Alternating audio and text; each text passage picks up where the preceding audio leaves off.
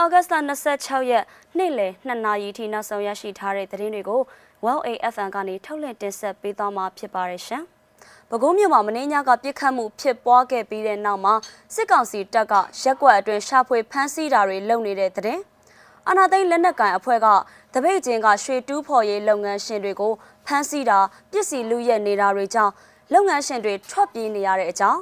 CDM ဟန်ဆောင်ထားတဲ့ရဲထောက်လန်းရေးကို PDF ဖမ်းဆီးလိုက်တဲ့တဲ့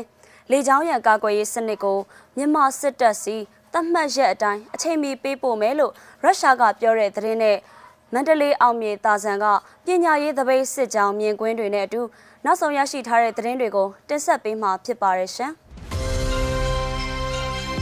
ပဲခူးမြို့မှာမနေ့ကည9နာရီခွဲလောက်မှာပြစ်ခတ်မှုဖြစ်ပွားခဲ့ပါတယ်ပြစ်ခတ်မှုအပြီးမှာစစ်ကောင်စီတပ်တွေကရက်ကွက်အတွင်းဝင်ရောက်ရှာဖွေခဲ့ပြီး မြို့ကန်တချို့ကိုလည်းဖမ်းဆီးသွားပါတယ်ကိုမင်းကိုချင်းလန်းကရဲရိတ်တာအနီးလိပ်ပြာကန်နဲ့နာယီစင်အနီးဝန်းကျင်မှာပြစ်ခတ်မှုဖြစ်ပွားခဲ့ပြီးတနက်တန်ဆယ်ချက်ကျော်ကြားခဲ့ရကြောင်းဒေသခံတွေကပြောပါတယ်ညကပြစ်တာဆက်တိုက်ပဲဒရုန်းတွေးလို့ဆိုပြီးဒရုန်းကိုလိုက်ပစ်တာလို့တော့ကြားတယ်တနက်အတန်ကမတူဘူးကျွန်တော်တို့ကအပြင်ထွက်ကြည့်လို့မရဘူးခေါင်းထွက်ကြည့်တာနဲ့တနက်နဲ့ချိန်ပြီးအိမ်ထဲပြန်ဝင်ခိုင်းတာလို့လက်ပြကန်ဒီမှာနေထိုင်သူတဦးကပြောပါတယ် ပြစ်ခတ်မှုအတွင်းထိခိုက်ဒဏ်ရာရမှုနဲ့ပျက်စီးဆုံးရှုံးမှုကိုတော့မစ္စည်းမကစုံစမ်းနေဆဲဖြစ်ပါတယ်ပြစ်ခတ်မှုအပြီးမှာပဲခူးမြို့ကဆိုရှယ်လစ်ရက်ကွက်အင်းဝင်ရက်ကွက်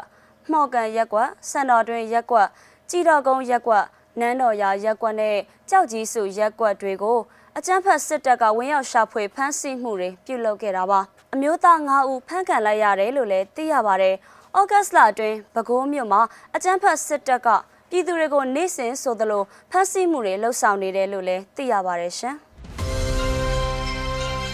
စကိုင်းတိုင်းဒေသကြီးရင်းမပင်မြို့နယ်ထဲ CDM ရောင်းဆောင်ပြီး PDF အဖွဲ့ထဲဝင်ရောက်ထောက်လှမ်းနေတဲ့စစ်ကောင်စီလက်အောက်ခံရဲထောက်လှမ်းရေးကိုရင်းမပင်ပြည်သူ့ကာကွယ်ရေးတပ်ကဖမ်းဆီးလိုက်ပါတယ်။ PDF ပြန်ကြားရေးတာဝန်ခံတဦးကမစ္စည်းမကိုပြောတာကတော့ဒီသတင်းကဟုတ်ပါတယ်ကျွန်တော်တို့ထုတ်ပြန်တာမျိုးတော့မလုပ်သေးပါဘူးလို့အတိပြုပြောဆိုပါတယ်အဲ့ဒီ CDM ရောင်းဆောင်ထားတဲ့ရဲသားကိုစုံစမ်းစစ်ဆေးတဲ့အခါမှာမုံရအမှတ်နဲ့ရဲစခန်းကစီတူငိမ့်ကိုပိုင်အမှတ်9339ဖြစ်တယ်လို့ဒေသခံသတင်းရင်းမြစ်အရသိရပါတယ်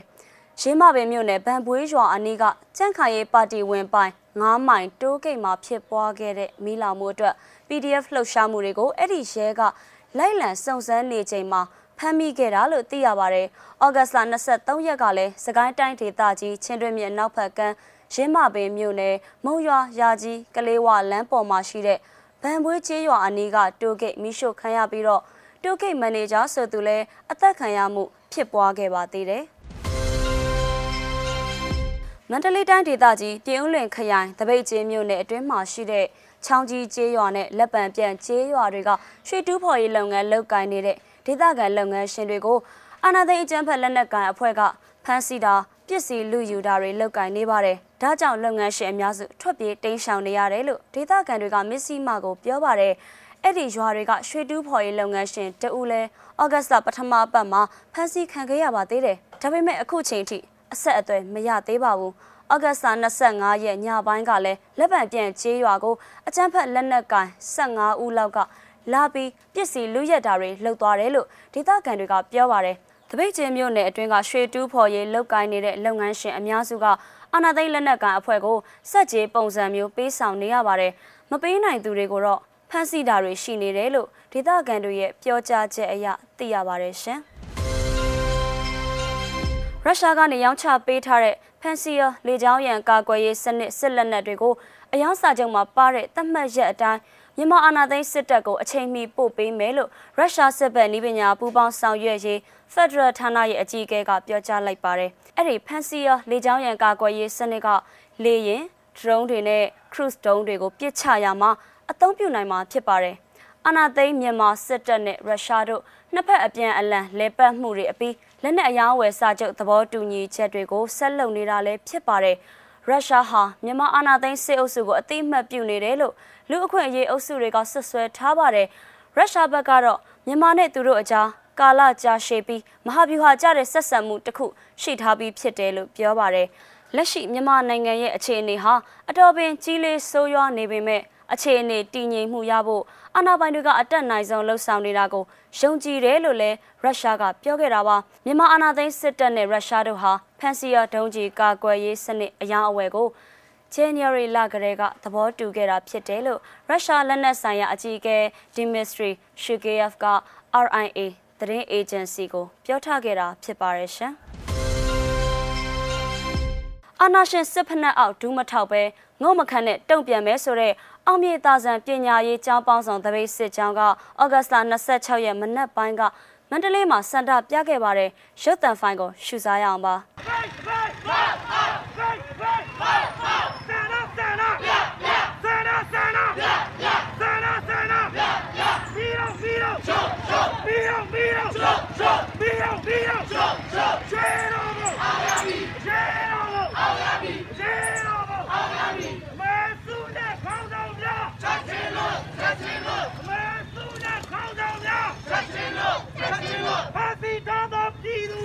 ချက်ချင်းလို့ချက်ချင်းလို့ဖာစီတော်သောခေါင်းဆောင်များချက်ချင်းလို့ချက်ချင်းလို့ဖာစီတော်သောကျောင်းသားများချက်ချင်းလို့ချက်ချင်းလို့သောပြည်သူရဲ့ရည်ရလိုက်ရည်ရ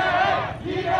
ဘာလို့ချင်လဲဒီမိုကရေစီဖာ သူကွာလဲဒီလူတော်ပဲဒီလူတော်ပဲဖာသူကွာမလဲသုံးဒီကွာမယ်ဖာသူကွာမလဲသုံးဒီကွာမယ်ပြည်သူအာဏာပြည်သူပြန်မယ်ပြည်သူအာဏာပြည်သူပြန်မယ်ပြည်သူအာဏာပြည်သူပြန်မယ်သောပြည်သူရဲ့ရည်ရလိုက်ရည်ရရည်ရသောကျောင်းသားရဲ့ရည်ရလိုက်ရည်ရရည်ရသူရည်ရလိုက်ရည်ရရည်ရဘိုက်ဘိုက်ဘောဘောဘိုက်ဘိုက်ဘောဘောဆ